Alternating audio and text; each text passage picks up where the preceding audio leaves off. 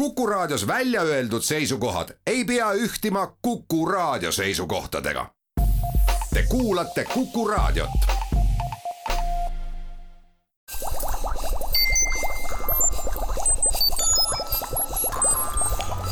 kukkuv õun head Kuku kuulajad, Kuku Õun eetris. täna on meil suurepärane päev ja võimalus kuulata juttu, teate millest? Autost, mis hakkab sügisel sõitma risti üle Austraalia keskosa ja ainult päikeseenergia jõul, selline on see plaan. ettevõte kannab nimetust Solaride ja meil on külas selle ettevõtte tegevjuht Kristel Leif. tervist! siis selle ettevõtte inseneeriajuht Mart-Erik Kermes, tervist! tere! ja peainsener Karl-August Taatuns, tere! tervist! Mina olen saatejuht Marek Strandberg ja hakkamegi küsima, et äh, päikese jõul sõitmine, see ilmselt ei ole päris igapäine asi.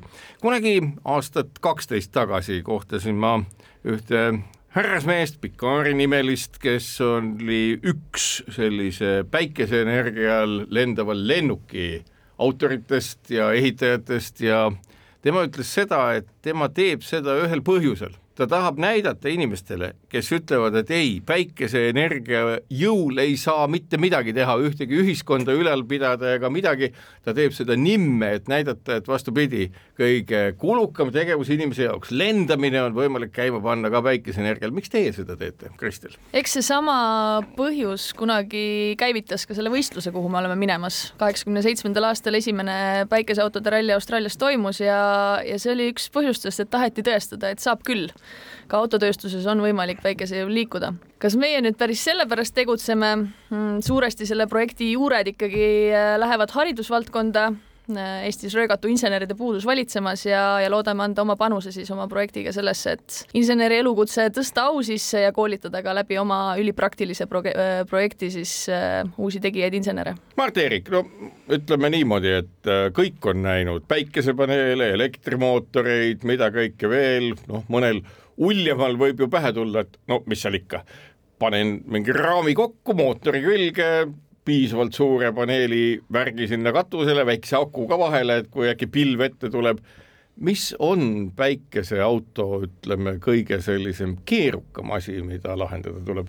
kui rääkida päikeseautost niimoodi üleüldiselt, siis äh, ma ütleks, et äh, kõige keerulisem arvatavasti olekski äh, saavutada võimalikult madal äh, energiakadu äh, iga, kõikides süsteemides. et äh, selline nii-öelda tavapärane sõiduauto ei ole selle jaoks mõeldud, et, et kohe, kui sul raadio, eks ole, mängib ja, ja mingisugust kuuma õhku näkku puhub, siis see on kõik energia, mis kaotsi läheb.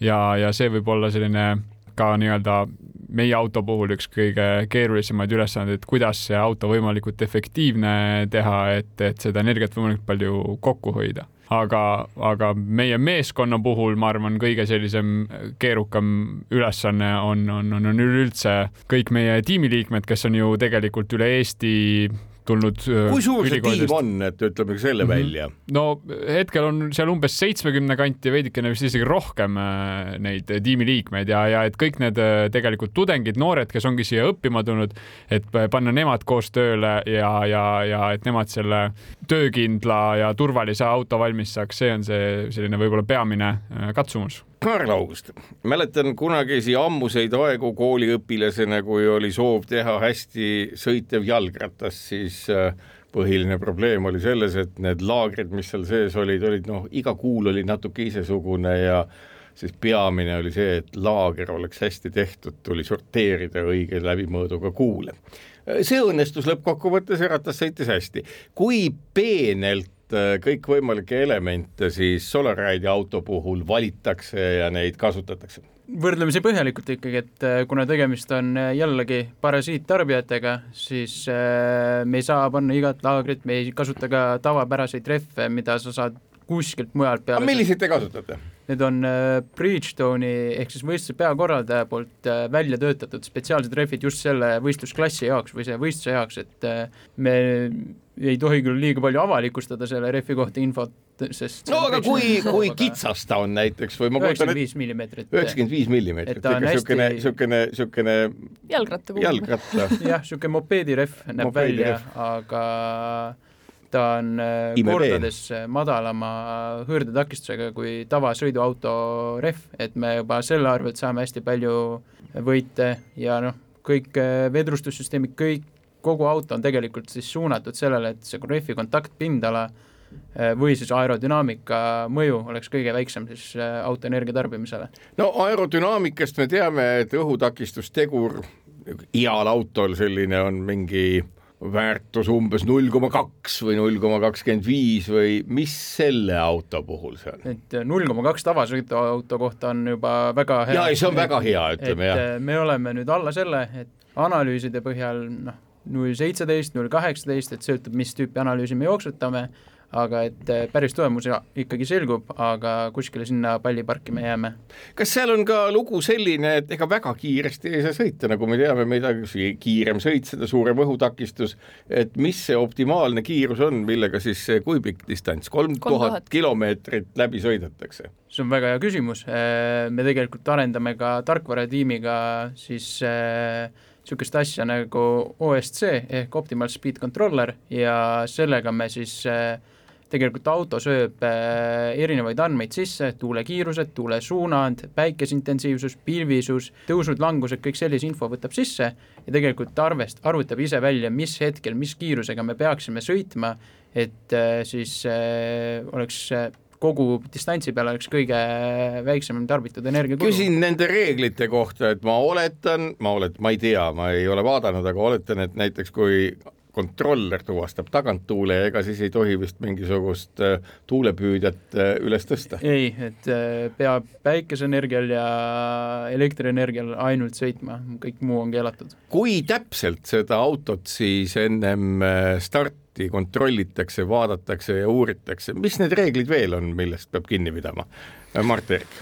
no ikkagi väga täpselt nagu ikkagi nii-öelda motospordis seda, seda kontrollitakse, et äh, võistluse, võistlus algab sellega, et tulebki läbi, läbida tehniline ja nii-öelda staatiline ja dünaamiline siis äh, tehniline kontroll, kus siis äh, alguses kontrollitakse läbi sellised peamised äh, osad, et kas auto on õigetes mõõtudes, meil seal maksimaalne pikkus viis meetrit laius kaks koma kaks vist oli maksimaalne ja nii edasi. kontrollitakse sellised asjad üle, kontrollitakse, kuidas seal juht välja näeb ja nii edasi, edasi ja siis läheb natukene spetsiifilisemaks, kus juba minnakse sisse kõrgepinge osasse, kontrollitakse üle, kas meil on piisavad turvalisusmeetmed sõidukis tagatud, kontrollitakse üle meie pidurisüsteem, roolisüsteem, kuidas need ehitatud on, need süsteemid auto juures, mis siis peavad tagama sellise teel oleku ehk siis roolisüsteem, pidurisüsteem ja turvalise sõidu, need süsteemid kontrollitakse väga põhjalikult üle.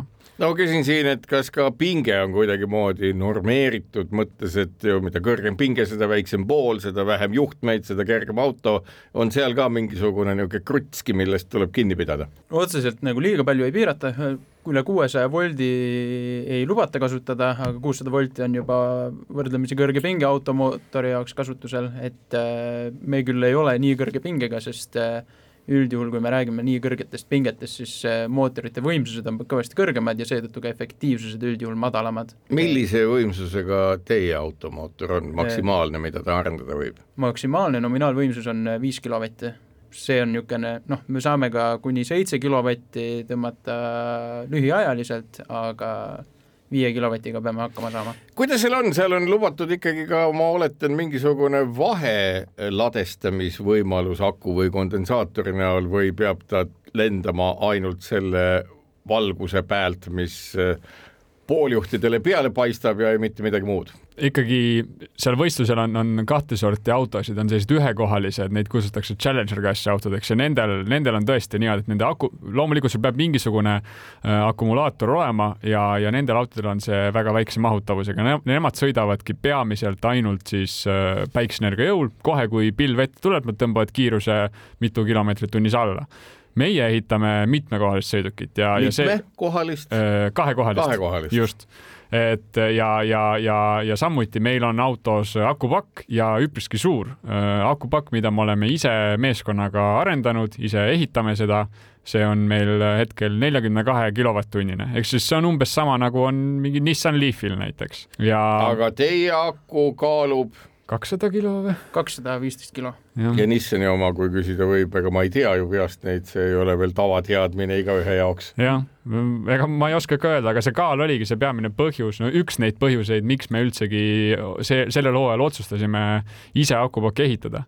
et eelmisel hooajal me kasutasime Tesla akumooduleid ja need on ka väga hea energiatihedusega, väga siuksed töökindlad, aga nende kinnitamiseks ja, ja autosse korralikult rakistamiseks pidime väga palju lisamassi sinna alla panema. Ja, ja seega me otsustasime, et me tahame ühelt poolt ise akupakki ehitada sellepärast, et võita massi poolt, teiselt poolt sellepärast, et saada rohkem teadmisi üleüldiselt akutehnoloogiast ja, ja, ja meeskonda läbi selle edasi arendada. Kristel, kui palju sellise autovõidusõidu korraldamine reaalselt aega nõuab? sa oled ma ei tea, kas kakskümmend neli seitse on õige öelda meil reguleeritud tööseadusandlusega riigis, aga kui palju see aega nõuab ja eelmine start oli siis aasta eest või?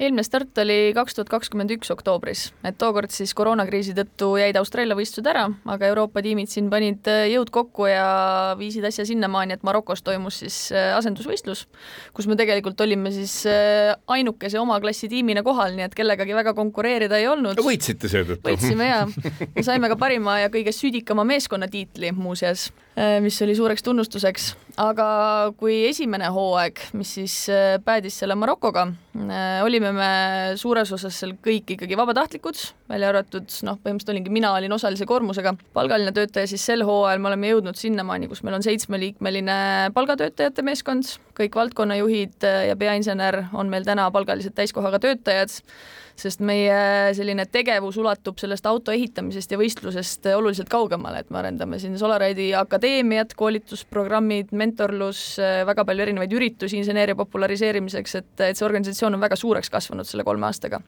nii et äh, täiskohaga töö ja veel oluliselt peale ka. siinkohal teeme saatesse ka väikse pausi ja kuulake meid pärast vaheaega edasi.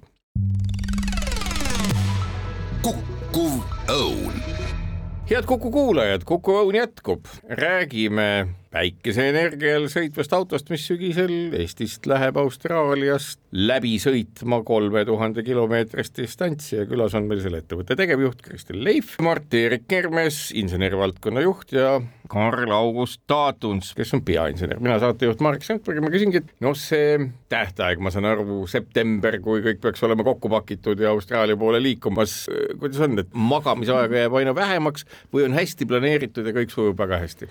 noh, oleneb, millega võrrelda, et kui me vaatame tagasi eelmisele hooajale, siis jõudis see auto päev enne starti Marokosse kohale, samal ajal kui teised tiimid olid seal kuskil vähemalt kuu aega enne kohal ja testisid ja valmistusid, et äh, sellega koos olime me läbinud, ma ei tea, palju poisid siin oli, mingi kakskümmend, nelikümmend meetrit testimisdistantsi, mis tegelikult võiks ulatuda ja Marokos oli distants kui pikk? Äh, kaks tuhat viissada nii et enam-vähem sama nagu Austraalias. jaa, nii et sinna me läksime ikkagi väga ehku peale mingis mõttes, sest kogu meie rahastus, kõige valmis saamine viimase hetkeni oli küsimärgi all.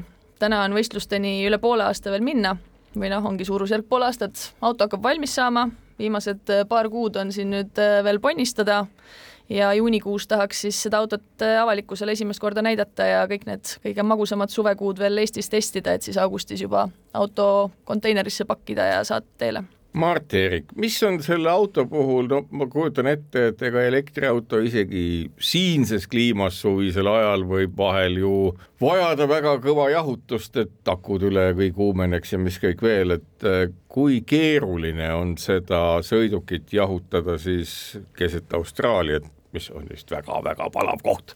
Äh, jaa, no tegelikult äh, sellest, seda akupakk akupakk sõidu ajal ise eh, ei vaja mingisugust väga erilist jahutust, kuna see energia, mida seal siis eh, ühes ajaühikust ühest elemendist välja võetakse, on tegelikult nii madal, et ta ei, ei tekita seal mingisugust äh, väga suurt kadu siis soojusenergia näol. Ja meil on küll sinna sisse ehitatud jahutussüsteem aga seda me hetkel on natukene veel keeruline öelda, kuna me ei ole ise ka Austraalias käinud, eks me päris täpselt ei tea, et mis seal küll saab, aga, aga plaan on küll selline, et tegelikult just äh, laadimise ajaks oleks see aku temperatuur äh, võimalikult optimaalne ja, ja, ja kui tekib vajadus, et ka sõidu ajal on vaja veel aktiivselt äh, seda jahutada, et küll me siis lükkame selle ventika sisse ka.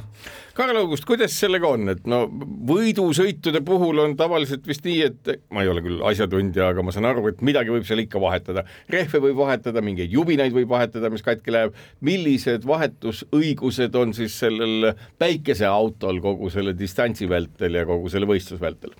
Teoorias on, äh, sa võid praktiliselt terve auto välja vahetada keset võistlust, et äh, kui tihtipeale jääb mulje, et me ehitame autot, mis või on äh, võistlus on ainult efektiivsuse peale, siis tegelikult suurem osa sellest võistlusest ongi siis kestvussõit, sa pead jõudma punktist A punkti B kohale, mis ongi kõige keerulisem. kiirust ei mõõdeta, kohale jõudmist mõõdetakse? no äh, kiirust ei mõõdeta ka liiga täpselt, et sa pead teatud keskmist kiirust säilitama järgitakse efektiivsust, aga kui sa kohale ei jõua, siis noh, mida sa jälgid nendest enam. aega mõõdetakse. sellest tuleb ikka kiirust ka veidi aga seal on teatud... ikka võidab see, kes kõige esimesena ei pruugi. ei pruugi, väga huvitav. seal on üks niisugune eriline valem, jah. jah, et see on äh, põhi, põhimõtteliselt kõige lihtsustatum vorm sellest valemist on äh, tarbitud energia jagatud reisijate arvuga, jagatud siis kolme tuhande kilomeetriga. ehk ikkagi seesama efektiivsus just nimelt jätkusuutlikkuse mõttes, miks see võistlus ka korraldatud on. ja noh, meie klassis on seal veel äh, rida muid äh, hinnanguid, mida sellele autole üsna subjektiivselt võib-olla mingis mõttes antakse, ehk siis needsamad mugavused, mille kohta sa küsisid, kui palju seal on mingeid lisasid peale pandud, sealjuures efektiivsust kaotamata ja, ja kõik mingid jalaruumid ja muud asjad ka, nii et et et vaadatakse ka autot kui tervikut, sest see võistlusklass loodi selleks, et tuua nüüd nende ühekohaliste tilgakujuliste autode juurest see võistlus lähemale tavaautodele ja tava päriselule see ei ole teil tilgakujuline? ei, see ei ole meil tilgakujuline, et ta on ikkagi auto moodi? no peaaegu, et ta on ikkagi, noh, sa paned teda tähele, kui ta sinust Tallinna tänaval mööda sõidab ei ole nagu kusagil vaateväljast allpool ei su surise midagi ja selles mõttes suriseb küll, et ta on hästi madal, aga ta on ka hästi pikk ja ta on, eks ta on omapärase kujuga ikka, et äh, keegi just eile ütles, et see on täpselt nagu Monopoli mängu autonupp sellise kujuga, ma ei tea, kas meie insenerid nõustuvad sellega ka. kurjaks saavad küll. Nüüd, äh, kui me meenutame seda, kaheksakümmend seitse oli see esimene kord, kui Just. see võistlus korraldati, et mis asi siis liikus seal või äh, kui võtame sellesama nii-öelda efektiivsusnäite, ma oletan, et siis oli see umbes samasugune, et äh, mõõdeti siis energiakulu läbitud tee ja reisija kohta milline see arv on, oskab teist keegi öelda ja milline see täna on? energiakulu äh, tollel hetkel, ma ei tea, Karl, kas sa tead või? ei tea. aga, aga, aga mis seal oli, seal olid äh,, sellel hetkel seal esimesed osalejad olid üldsegi autotootjad, mitte nii väga ülikoolide tiimid ja nad, kes selle võitis, kas ma panen öö, mööda, kui ma ütlen, et see oli Mercedes või? igatahes üks autotootja võttis selle ära ja tema ehitas sellise ühekohalise auto, päiksepaneelid peal ja, ja öö, sellel hetkel seal võistlusel selle auto nii-öelda tippkiirus oli või keskmine kiirus oli viiskümmend kilomeetrit tunnis. Teil? no meil keskmine hakkab võistlusel olema kaheksakümmend viis umbes aga mis, mis siis juhtuski, et aja jooksul tegelikult äh, just see, see ühekohaline autode klass, äh, seal need kiirused äh, on juba tõusnud nii suureks ja efektiivsus nii kõrgeks, et need autod suudavad sõita seda võistlust kiiremini, kui tegelikult kohalikud liiklusseadused seda, seda lubaksid. et, et see, see, see päiksetehnoloogia on seal autodes arenenud nii meeletult, et viiekümnest on mindud nii, et nad võivad selle võistlusega sada pluss kilomeetrit tunnis äh, keskmise kiirusega läbi sõita. kui me nüüd vaatame seda, et aeg-ajalt ju me näeme ka mingisuguseid elektriautosid, mille katusele, kapoti peale ja igale poole on ka siis nagu kleebitud äh, päikeseelemente ja öeldud, et jaa, et kui see väljas seisab, et siis ta suudab ennast mingi ajaga ära laadida. kas see ongi see perspektiiv, mille suunas noh, nii-öelda ka teie tehnoloogia edendamisega liigutakse, et saavutada lõpuks siis selline asi, et seisab õues, päike paistab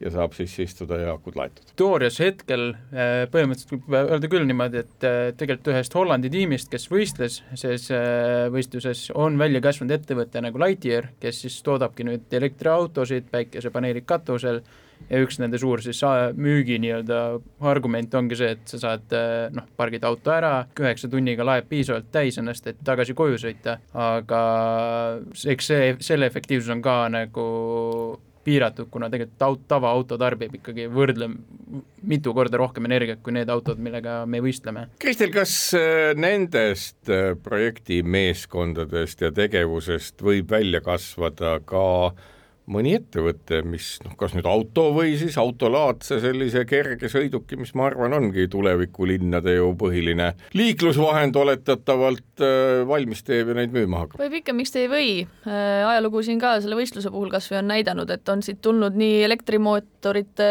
tootjaid, tehakse kontrollereid, seesama päikeseauto, mida siin Lightyearis toodetakse, et äh, noh, kokkuvõttes ma usun, et enamiku tiimide jaoks ei ole eesmärk omaette hakata päikeseautosid tootma, vaid pigem, et nendest sünnikski need ägedad kooslused, uued meeskonnad, initsiatiivikad, kogenud inimesed, kes on valmis midagi uut käivitama, innovatsiooni looma. et, et ma arvan, et see võimaluste spekter on oluliselt laiem kui ainult võib-olla transpordisektor. aga siinkohal teeme saatesse väikse pausi, kuulake meid vaheaja järgi edasi.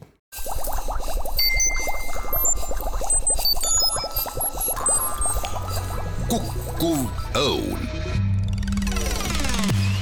kukkuv õun jätkub, saade autost, mis sügisest peaks jõudma Austraaliasse ja tegema seal läbi kolme tuhande kilomeetrise reisi, võisteldes teistega. meil on külas sellise ettevõtmise nagu Solarride, see tegevjuht Kristel Leif, selle ettevõtmise inseneeriajuht Mart-Erik Kermes ja peainsener Karl-August Taatuns, mina saatejuht Marek Strandberg kui palju siis sügisel veel sõidukeid ja milliseid meeskondi sinna läheb, teate või see on üllatus? See täielik koosseis peaks selguma juunikuus, kui ma ei eksi, et siis minu meelest avaldatakse kogu osalejate nimekiri, aga prognoos on, et neid on äh, kakskümmend pluss äh, ja see kõigis autoklassides? meie võistlusklassis. ja selles teises, kus üksinda ülehelikiirusel nooled sõidavad läbi Austraalia vuhinal? raske prognoosida, ma arvan, mingid nelikümmend, viiskümmend on, ma arvan, garanteeritud, et äh, kaks korda rohkem võib-olla vähemalt küll, jah. ja kuivõrd äh, kaks tuhat kakskümmend üks jäid ju Austraalia võistlused ära ka, siis siin on ka tiimid, kes, kellest mõned on neli aastat seda autot ehitanud, mitte kaks nagu meie, et, äh, et saab olema selles mõttes väga erakordne aasta ja ma usun, et ka osavõtt selle võrra ikkagi päris korralik. ja tõesti, üle maailma tullakse sinna kokku MIT-st, Eindhovenist, ma ei tea, Jaapani tiimid, Austraaliast koha pealt loomulikult, et kõik sellised maailma tipptehnikaülikoolid on seal ikkagi esindatud. autotootjad enam ei tule konkureerima või tulevad ikka ka? ei tule, nüüd need autotootjad seal Saksa tiime toetavad näiteks ja, ja seal piirkonnas, aga eraldi enam, enam seda ei ole. kui palju Saksamaalt on neid osalejaid seal või igast riigist tohib olla vaid üks? Äh, tohib olla mitu. põhimõtteliselt seal iga ülikool justkui võib oma meeskonna välja panna. Saksamaalt äh, ma tean vist vähemalt kahte, aga ma tean, et kõige populaarsem on see Hollandis minu meelest, kus, kus on vist viis-kuus äh, tiimi sellise väikse riigi kohta, et selles piirkonnas on see väga populaarne ülikooli selline projekt seal on muidugi ka väga head tehnikaülikoolid ja, ja kogu selline teadmine on seal ju ülikontsentreeritud. just ja, ja, ja seal töötavadki koos äh, paljud erinevad äh, ülikooli projektid, et äh, kes ehitavad seal tudengivormelit kes ehitavad allveelaeva tudengite poolt äh, ja nii edasi, nii edasi, siis äh, seal jagatakse omavahel teadmisi ja, ja seeläbi siis nad suudavadki väga häid autosid ehitada ka. Karl August, kui palju Eestis on õppeasutusi sellega seotud, kõik, kes midagi vähegi õpetada oskavad selles valdkonnas, ehk siis Tallinna Tehnikaülikool, Tartu Ülikool, Maaülikool või on neid vähem või rohkem veel? Kuus ülikooli on hetkel meiega otseselt seotud, et äh, kuigi meil on äh, tiimiliikmeid äh, kõvasti rohkematest ülikoolidest, et kokku vist on ligikaudu kahekümnest erinevast koolist, ülikoolist, gümnaasiumist, gümnaasiumit. ehk et seal on nagu kogu selline haridusspekter esindatud, kes on teie tiimis kõige noorem inimene?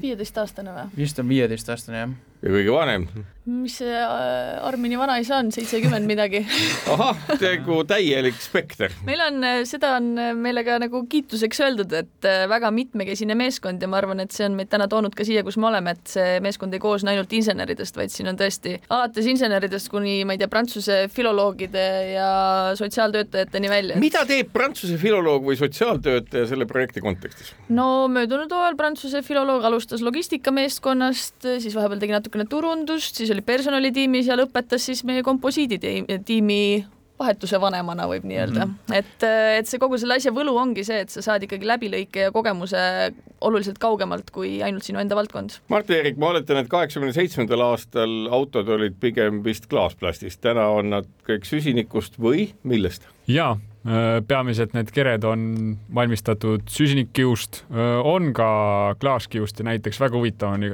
Chalmersi ülikoolis on, on võistkond, kes on oma kere valmistanud üldsegi kanepi kiust tehtud riidest mis on kanep siis..., mis on ülitugev ja kiumaterjal, tugevam vist tõmbetugevuselt kui teras isegi.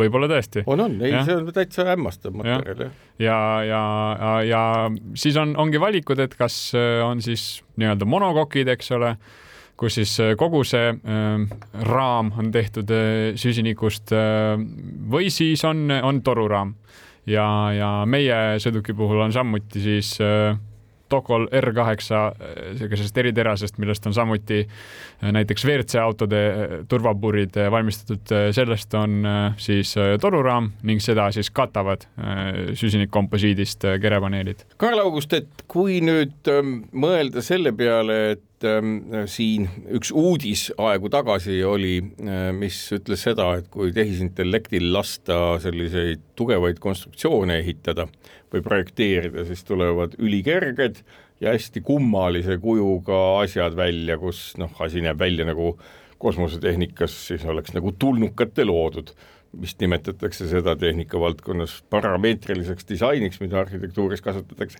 kas teil on ka mingi osa sellest masinast tehisintellekti nii-öelda kavandatud ja kokku pandud? hetkel ei ole, et äh, kindlasti tuleviku hooaegades tahaksime seda tehnoloogiat ka äh, juurutada tiimi sisse, aga selle nii-öelda alusvundamendi loomine on äh, kõige olulisem, enne kui sa saad lasta tehisintellektil hakata mingit disaini looma. et me hetkel pigem töötame selle nimel, et see baasalus, mille põhjal me otsuseid võtame, oleks äh, piisavalt äh, korrektne ja konkreetne ja siis liikuda sealt edasi peenemate arendusprotsesside juurde. Kristel, seitsekümmend inimest, ma ei usu, et need seitsekümmend inimest on kogu aeg täitsa püsivad, ilmselt on mingi inimeste liikumine, muutumine, et keegi tuleb, keegi lahkub. kuidas nii-öelda sellist loovat seltskonda, seitsekümmend, see on ikka päris korralik äh, kogum inimesi, nagu suudetakse sünkroonselt hoida ja järje peal? No me alustasime eelmise aasta alguses seda hooaega kuskil saja inimesega ja eks neid ärakukkujaid on ikka olnud, sest äh, see tempo, millega me asju teeme, see põhjalikkus, need äh, ootused, see latt on ikkagi väga kõrgel, et mõnedele ei mahutu see projekt tegelikult ellu, saavad aru, lähevad ära, äh, osa võib-olla ei saa ka hakkama ja siis jäävadki pinnale need, kes sellest kõigest läbi ujuvad ja siit kõva kogemuse saavad aga kuidas neid hoida, ma arvan, see voolavus ja, ja inimeste vahetumine on sel hooajal ka oluliselt väiksem, sest me oleme tegelikult ise teadlikult ka väga palju pannud rõhku just organisatsiooni arendamisele, ülesehitamisele, et siin Martin Villig ütles mingi hetk meie kohta, et äh, te olete nagu steroididel õpilasfirma ja sealt edasi arendusena põhimõtteliselt me olemegi püüdnud luua keskkonna, kus äh, kõik projektis osalevad inimesed saavad sellise keskmise suurusega tehnoloogiaettevõtte kogemuse. no kui saladusi reeta, kui saate, tuleb uus inimene, mis on see protseduur, kuidas ta sellesse süsteemi sisse elab, mida talle õpetatakse, mida talle räägitakse, kuidas see, kui kaua see aega võtab ja kuidas see siis välja näeb? no tegelikult selle hetkeni, kui uus inimene täielikult on kõigest aru saanud ja sisse elanud, ma arvan, äh, see sisseelamisaeg kokku on mingi aasta et need, kes mhm. esimese aasta üle, üle elavad, need saavad ka teise aastaga hakkama, sest hooaeg kestab kaks aastat. aga see on väga sarnane jälle klassikalisele värbamisele, et kogu värbamisprotsess näeb välja nagu värbaks kuhugi ettevõttesse, kodutööd, erinevad intervjuud, isiksuse testid, mis kõik asjad veel. sealt edasi ongi sisseelamisprogramm, tuleb läbida erinevaid koolitusi, tuleb tutvuda erinevate materjalidega, siis on sul, meil on olemas ka tore programm nagu Solarite'i Padi või Padi ehk siis saad omale niisuguse toetava sõbrakese, kes sind äh, järjepidevalt aitab, meeskonnajuhtidel regulaarsed vestlused, et äh, ja jah. seda kõike motivatsiooni pealt, et äh, tuleb selline võistlus ja tehakse sellist vahvat asja? No see on see eesmärk, mis meid ühendab, saada see auto valmis ja minna tõestada, et Eestis on see ka võimalik, aga eks ma arvan, iga tudeng on siin ikkagi selle eesmärgiga, et ise areneda, enda võimalusi avardada, saada kogemusi, häid kontakte, et meid ühendab päikeseauto, aga ma usun, et kõigil on siin ka oma motivatsioon olla just isiklikus plaanis. Mart-Erik, nüüd kui tulla sellesama kiiruse, turvalisuse ja muu asja juurde, et siis kui turvaline on seal sellel inimesel sees istuda, vaevalt et kõiki neid crash teste, mis nii-öelda tavaautodel läbi tehakse, aga kust tuleb see teadmine, et inimene, kes sinna istub, on turvaline, turvaliselt kaitstud või see ei olegi eesmärk ja ta kirjutab jälle, ma tean küll, et see on niisugune asi, aga juhtub minuga, mis juhtub, mina ise vastutan. jah, turvapatju meil ei ole arvata võib. see-eest on meil nelja punkti turvavööd, mis seda inimest seal, seal kinni hoiavad ja, ja samuti me oleme kogu see turvapuuri siis äh, struktuur seal ümber äh, vastab äh, põhimõtteliselt sellistele klassikalistele FIA standarditele. seda siis kontrollitakse ka selle nii-öelda töö käigus, mida just. ennem rajale lubamist tehakse. just, täpselt. kõik see käiakse üle ja, ja lisaks sellele siis erinevate nende torude, keeviste tõmbekatsed oleme läbi viinud ning siis loomulikult väga palju äh, Äh, tugevusanalüüse ja arvutusi, äh, mis on ka reeglitest ette antud, mis jõududele see, see auto peab ähm, suutma vastu pidada. et äh, nii külgsuunalised ülerullumised kõikides sellistes olukordades, see, see, need analüüsid on selle jaoks tehtud ja vastu seina me sellega sõitma ei, ei plaani hakata enne, enne nii-öelda võistlusele minekut seda testida, vaid siis ähm, loodame sellisele nii äh, analüüsidele, reaal, reaalelulistele testidele kui ka siis sellistele headele inseneritavadele, mis äh, seda inimest tegelikult kaitsevad. Karl August, mis tänasel hetkel peainseneri peas kõige keerukam küsimus on, mis tundub olevat tänasel hetkel veel lahendamata ja vaja kõvasti vaeva näha, katsetamist, ehitamist, et olla kindel, et autoga kõik hästi läheb?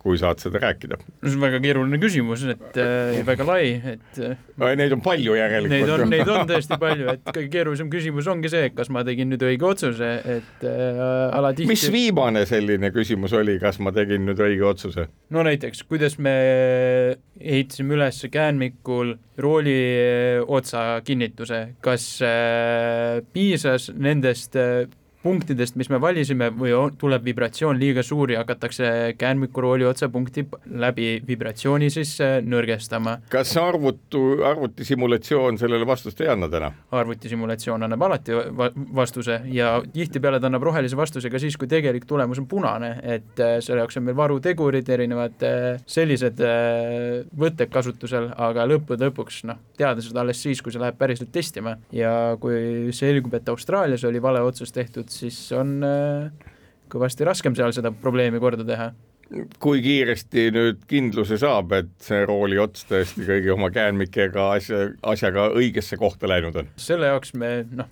plaanime Eestis äh, hästi põhjalikult enne muidugi testida, et me lähmegi suletud radadele, teeme palju erinevaid äh, ohtlikke manöövreid, just panemegi nagu stressi alla kogu või pinge alla. on teil varuauto olemas kõikide keeruliste manöövrite puhuks eh, varuautot ei ole, aga loodetavasti uut raami ja kere ei lähe vaja, et aga vedrustuskomponendid on kõik äh, varuks kaasas, on veelgi, on meil varumootor kaasas, kui ühega midagi juhtuks, et äh, selliseid asju me peame varuma, sest äh, sa kunagi ei tea lõpuks, mis Bolt või mutter nii-öelda siis alla annab võistlustel, kui peaks andma ja sa pead olema valmis seda parandama. Siinkohal teeme saatesse pausi ja kuulake meid pärast vaheaega edasi kukkuv õun. head kuulajad, Kukuv Õun jätkub. räägime Solaride'i päikeseautost ja selle retkest selle aasta sügisel läbi Austraalia kõrbeala ja sellest räägime me koos Kristel Leifiga, kes on Solaride'i tegevjuht, Mart-Erik Kermesega, sellesama ettevõtmise inseneeriajuhi ja Karl August Taatunsiga, kes on selle asja peainsener mis sellise auto valmis tegemine ja Austraaliasse vedamine, seal sõitmine ja siis veel tagasi tulemine ühtekokku maksma läheb? Noh, autojavõistlused on jälle nagu üks osa kogu selle projekti juures, et kui me räägime projekti kogu eelarvest, siis hetkel see küündib kuhugi pooleteise miljoni juurde kahe aasta peale, millest väga suur osa tegelikult ei ole rahana meie kontol, vaid taandub ka sellele, et mingid inimesed panustavad väljastpoolt tudengeid oma aega mentoritena, on meil mingisugused tootmisvõimalused, on meil materjalid aga, aga jah, tõesti väga suur osa sellest läheb auto ja võistluste alla, suurusjärk äkki mingisugune seitsesada tuhat umbes on seotud auto ja võistlustega. Ja seal kõrval siis kõik muud. Kahe aasta jooksul nende noorte kooshoidmise, arendamise, meeskonna ülesehitamise ja igapäevaolmega seotud kulud, et äh, võib tunduda päris kopsakas aga samas konkureerime meeskondadega, kes opereerivad viie, kuue, seitsme, kümne miljoni kontekstis, nii et äh, oleme ikkagi väga väikse rahakotiga sinna võistlusele minemas. mis ajast seda päikeseautot joostakse siis käima ja mitu aastat see asi on enda kaks tuhat kakskümmend alguses tekkis kahel Tartu Ülikooli tudengil mõte, et võiks midagi pöörast ehitada. Äh, juhuslikult jõuti selle võistluseni, selle autoni, äh, sest tegelikult variante oli veel ja nagu? Ma isegi ei olnud selle otsustamise juures, et eks üle kes maailma oli, keegi teist oli? muuseas, need äh, kaks tudengit, kes see idee vastu võtsid, siis nemad juba lahkusid paar kuud peale projekti algust et äh, ei, keegi ei tea enam aga igal juhul siis, kui meie liitusime, siis, äh, siis oli päikeseauto juba plaanis, Karl August minu meelest on meist kolmest siin kõige kauem olnud, et, et mina tulin natukene peale teda kohe. ja, ja siis hakati pusima ja siis tuli ju kohe koroonakriis.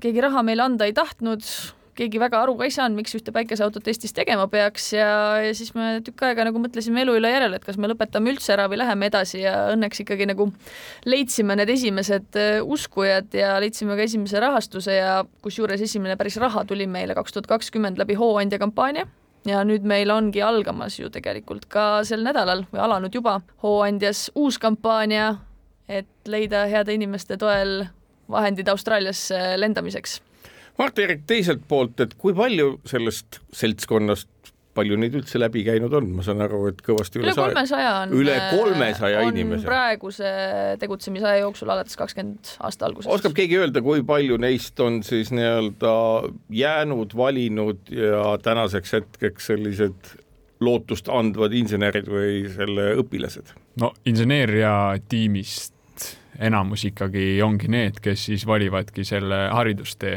ja, ja on ka neid, kes kaasa löövad, kes juba töötavad ettevõtetes siis sellealasel töökohal. jah.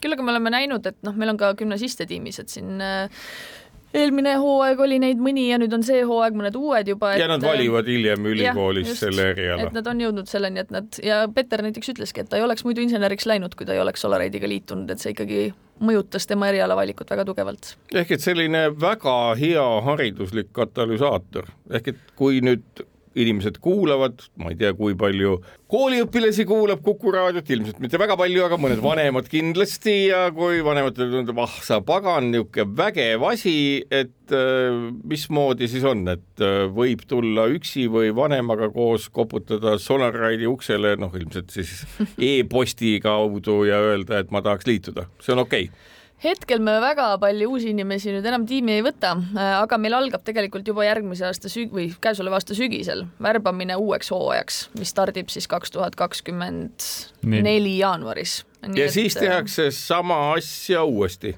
tõenäoliselt jah. kuidas seal üldse on, et kas nii-öelda tiimil on lubatud mitu aastat järjest käia sama autoga või ikkagi küsimus on selles, et öeldakse ei, see auto uus auto peab olema igal juhul? minu teada küll niisugust äh, raudset reeglit ei ole otseselt, aga ei ole väga tavaline või ma siiamaani pole täheldanud mustrit, et keegi tuleks sama autoga uuesti võistlema, et see on suur summa raha, millega sa tuled võistlema, nii et juba tee juba asi veidike paremaks ja ole siis konkureerivam ehk et keegi ei ole selline nii-öelda teinud veel valmis sellist autot, mida ei olegi uuendada vaja, kogu aeg on vaja midagi. alati, alati leiab midagi, mida saab paremaks teha. kui kiiresti tänasel hetkel kogu see elektrisõitmise tehnoloogia ise areneb nagu akud, mootorid, muu nii-öelda elektroonika sealjuures, et äh, ma saan aru, et see on ikkagi ka pidev selline väga kiire areng, sellepärast et kümnekonna aastaga on ka elektriautode omadused ju, mis on siis müügil ja kasutuses ka väga kõvasti muutunud no kuna varsti peaksid meie teedelt ju sisepõlemismootoriga autod üldse ära kaduma, on ju ka sellised eesmärgid no tootmine vist lõpeb kolmekümne viiendal aastal, nii et nagu see varsti võib tähendada ütleme kahe tuhande neljakümne viiendat aastat, et eks need tiksuvad ju edasi.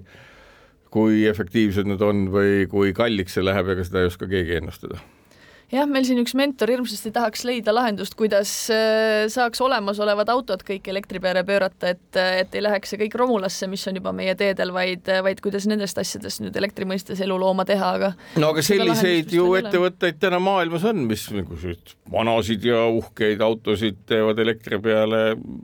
Teie meeskonnast ei ole kedagi tekkinud, kes sellist nii-öelda käsitööd harrastaks? veel mitte. meil on ka võib-olla tulevikus tekib, jah. eelmisest hooajast tegelikult noh, nii nagu T2-gi mm,, need kõige, kõige kõigemad insenerid äh, on tegemas kaasa ka praegu seda teist hooaega, ma ütleks, et need, kes nüüd äh, siit tuuletiibadesse saavad, et tahaks neid tegusid näha. et, äh, et jälle samamoodi selle aasta uued loodetavasti jätkavad uuel hooajal. Üks asi veel ju, mis maailmas nagu tuure kogub, on küsimus vesinikuautost, mis on ka iseenesest elektriauto, kasutades kütuseelementi selleks, et elektrit toota ega vesinikuautodele samasugust kestvus või mis iganes sõitu ei korraldata veel? minu teada mitte, et äh, see, sellist võidusõitu neil veel ei, ei ole, aga, aga kuna Solaride'is ei ole kunagi ennast lugustanud sinna päikseauto ainult maailma, vaid, vaid see on hetkel äh, see äh, nii-öelda väljund siis nende inimeste arendamisel, mida me kasutame, siis äh, on ka täiesti võimalik, et äh, mõne, mõne aasta pärast äh, asendub see päikseauto näiteks kas vesinikautoga või siis päikselennukiga, et äh, mida iganes. lennuki ehitaksite ka valmis no,? vabalt. kokkuvõttes peab selle kokkuvõttes peab selle projekti keskmes olema lihtsalt üks piisavalt keerukas tehniline projekt, mis annab head kogemused ja esitab piisava väljakutse, et jah päikeseauto ei ole eesmärk omaette tingimata. kas on mõningad asjad, mida te olete lahendanud sellisel moel, et ähm, lahendanud Teibiga. ära ja see on väga hea ja siis on tekkinud ikkagi ka see potentsiaal, et selle peale peaks vist mõne patendi võtma ja tootmise käivitama. oleme, aga sellest me ju ei saa rääkida siin niimoodi saate, kui tahate ei taha aitäh teile, äh, sellega on ka Kuku Õuna saade läbi.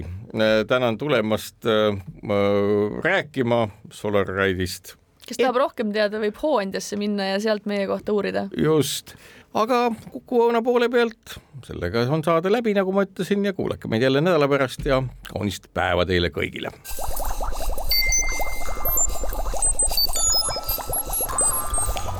kukkuv õun